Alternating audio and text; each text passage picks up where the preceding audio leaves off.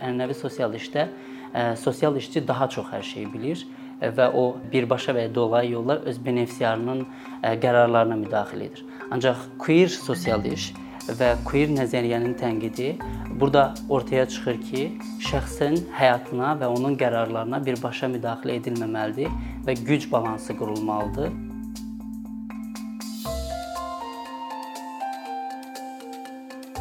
Queer sosial iş, sosial iş yanaşmaları zamanı müxtəlif e, güc münasibətlərinə və müxtəlif marjinallaşmış icmaların və queer insanların təcrübələrini nəzərə alaraq e, tətbiq edilən yanaşma hesab oluna bilər.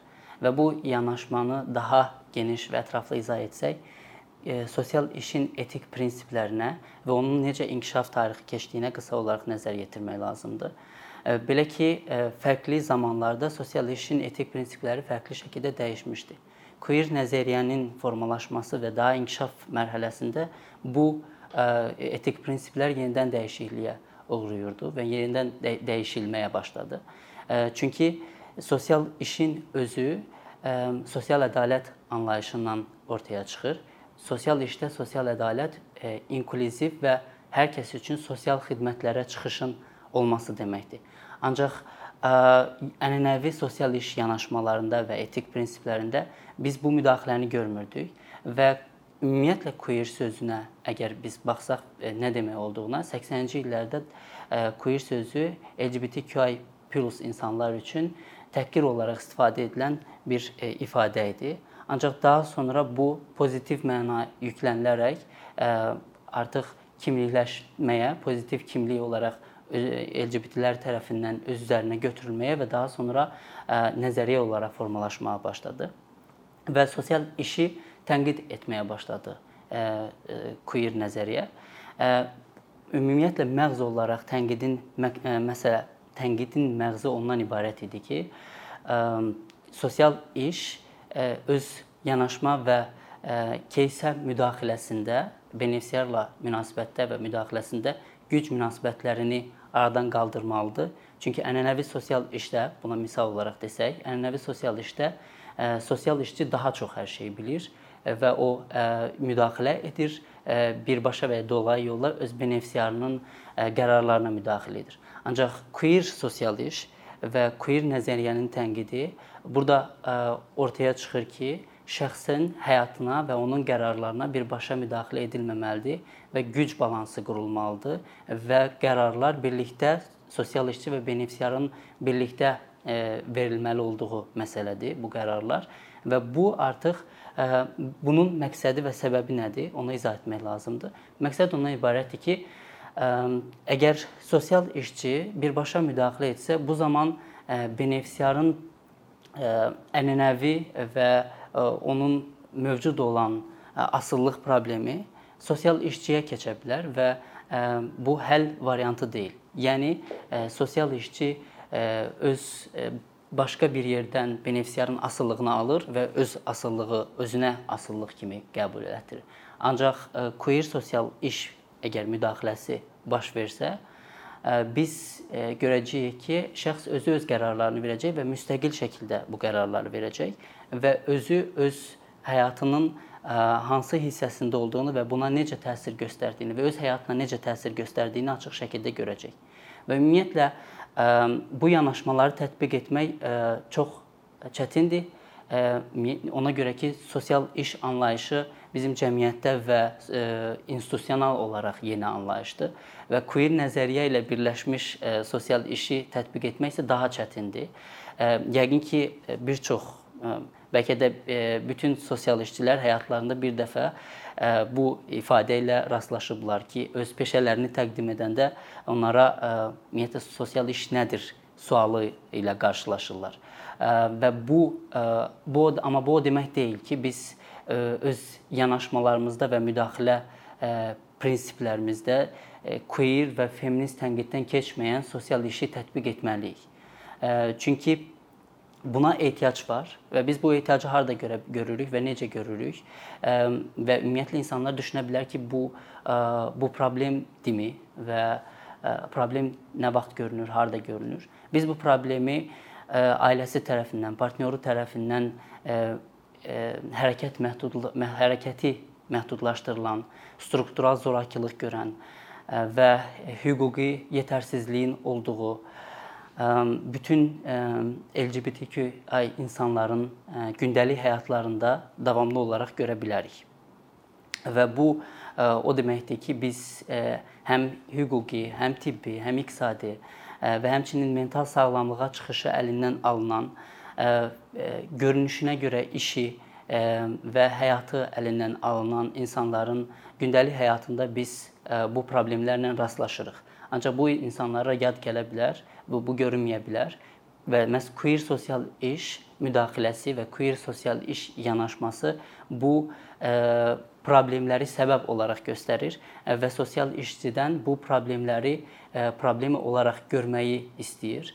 Ə, əgər bu belə olmasaydı, ənənəvi sosial işdə biz görməyəcəkdik bunu ə, və biz bunu fərqli bir ə, məsələ olaraq qiymətləndirmə aparacağıq кейsi qiymətləndirərkən və həmçinin e, bu yanlış olan və səhv olan şeylərin qarşısını almaq üçün önəmlidir. Ona görə də sosial işçilər davamlı olaraq e, öz praktikaları ilə bərabər həmçinin davamlı nəzəri olaraq da öz biliklərini artırmalıdırlar. Çünki məsələ biz e, görürük e, cəmiyyətdə ki, e, bir seansa cinsi orientasiyasının dəyişdirilə bildiyini iddia edən psixoloqlar var və bu yanlışla həmin cəmiyyətdə insanlar bu yanlışı nəzərə almadan və görmədən bu bu şeyə inanırlar. Ancaq queer sosial iş yanaşması daha çox görünür ki, həmçinin təhlükəsizliklə və güc balansı ilə bağlıdır. Məsələ biz əgər queer sosial iş yanaşması tətbiq eləsək, və ya da ki belə desək ki, sosial işə queer tənqiddən çıxmış bir yanaşma, bir sistem yanaşması təqdim e, tətbiq etməyə başlasaq, biz e, yeniyetmə biri öz seksuallığını və gender kimliyini sorğuluyur və biz e, bu zaman ənənəvi sosial iş yanaşması ilə sosial işçi nə edəcək? Hansı müdaxiləni edəcək e, və ya öz e, görünüşünə görə e, işini itirmək təhlükəsi yaşayan bir şəxs bir şəxsə necə müdaxilə olunacaq, necə o, o şəxsin problemi həll edilməyə çalışılacaq. Çox güman ki, ənənəvi sosial iş yanaşmasında bu belə olacaq ki, öz görünüşünü normal normativ olan gender görünüşündən əvəz olunması istəniləcək həmin şəxsdən və bu işə gəlməyini istəniləcək bu şəkildə olacaq. Amma queer nə tənqiddən keçən sosial iş və sosial iş yanaşması və sosial işçinin mövqeyi ondan ibarət olacaq ki, o həm işə götürəndən, həm struktural olaraq, həm işə qəbul edən, işə qəbul olunmalı olan şəxsdən bu yanaşmanı tətbiq edəcək. Hansı ki, bu yanaşma ondan ibarətdir ki, işə götürən insanların görünüşünə seksual kimliklərinə cinsi orientasiyaları və gender kimliyinə nəzərə almadan işə götürməlidir. Ancaq bunu tətbiq etmək çox təəssüf ki, çətindir. Bunu əvvəl də qeyd etdiyim kimi sosial iş çünki yenidir və bu yanaşmalar çox yenidir və tamamilə oturmuş bir forma almayıb. Amma mən düşünürəm ki, oturmuş bir forma almasa belə yaxşı olar ki, biz yeni yanaşmaları tətbiq edək və yeni yanaşmalardan çıxış edək. Çünki ümumiyyətlə Azərbaycanda sosial iş dərsliklərinə baxsaq, biz ə, görməyəcəyik ki, ə, ümumiyyətlə seksuallıq ə, ayrıca bir ə, bir məsələ olaraq ə, ələ alınsın. Biz bu ə, bir bu yanaşmanı görməyəcəyik çox təəssüf. Bunun səbəbi ondan ibarətdir ki, ə, bizim cəmiyyətdə seksuallıq ümumiyyətlə tabudur və bu tabudan e, çıxış edərək insanlar bu haqqda danışmaq istəmirlər. Ancaq e, elm bu haqqda danışmaq tərəfdarıdır. E, çünki sosial işin ədalət anlayışına görə sosial xidmətlər hər hər kəs üçün əlçatan olmalıdır. Və əgər hər hansı bir qrup və bu LGBTQI pluslar olsa həmçinin bu sosial xidmətlərdən kənar qalırsa, bu sosial ədalət bərpa edilə bilməz. İstənilən müdaxilə baş versə də bu sosial ədalət həqiqi olmayacaq. Və queer sosial iş bunu tənqid edir və queer sosial iş sosial işdən və sosial iş yanaşmasından və sosial xidmət sferasından bunu tələb edir. Və həmçinin biz baxa bilərik başqa ölkələrdə buna nümunə olaraq necə baş verir və necə müdaxilə olunur və bu necə formalaşır. Buna misal olaraq məsələ fərqli ölkələrdə fərqli yanaşmalar var və fərqli icmalarla sosial işçi iş öz ixtisasını bitirdikdən sonra daha ixtisas artırma kursları və ya ümumiyyətlə dərsləri və ya magistr oxuya bilərlər. Amma bu bizdə yoxdur. Çünki 10 ili yeni tamam olmuş bir peşə sahəsidir. Daha çox aktivləşməyə başlayıb son dövrlərdə sosial işçilərin sosial işçilərə ehtiyac olduğu görülür. Queer sosial işi isə daha azdır deyə bilərəm ki, belə bir yanaşmadan istifadə olunur. Amma biz həmçinin məncə insanların özü bu haqqda məlumatlı olsa, bu haqqda oxusa, onlar öz özləri bu haqqda bunları tələb edə bilərlər. Çünki queer sosial iş hər kəsin hüquqa çıxışının bərabər olduğunu və hər kəsin hüquq qarşısında bərabər olduğunu və hər kəsin sosial xidmətlərin hər kəs üçün əlçatan olduğunu iddia edir və bunu tələb edir. Məsələ tibbi xidmətlərə LGBTQI+ icmasından çox azdıq tibbi xidmətlərə çıxış. Məsələ trans insanların tibbi xidmətlərə çıxışı çox azdır.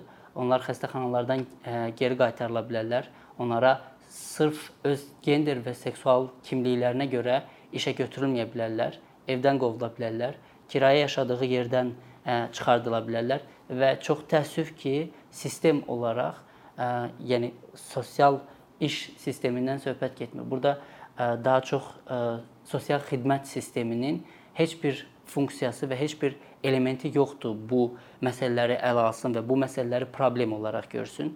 Ancaq dediyim kimi bu məsələ bunların hamısı ayrıca ələ alınmalı olan məsələdir. Yəni insanların gender disforiyası yaşaması. Bu bir ayrıca bir bölmədir. Psixologiyada istifadə oluna bilər və psixoloqlar bu bu işlə məşğul olmaq üçün, yəni gender disforiyası ilə məşğul olmaq üçün daha çox oxumalıdırlar. Amma məsələn Azərbaycanda gender disforiyası ilə məşğul olan çox az insan var və demək olar ki, ümumiyyətlə yoxdur.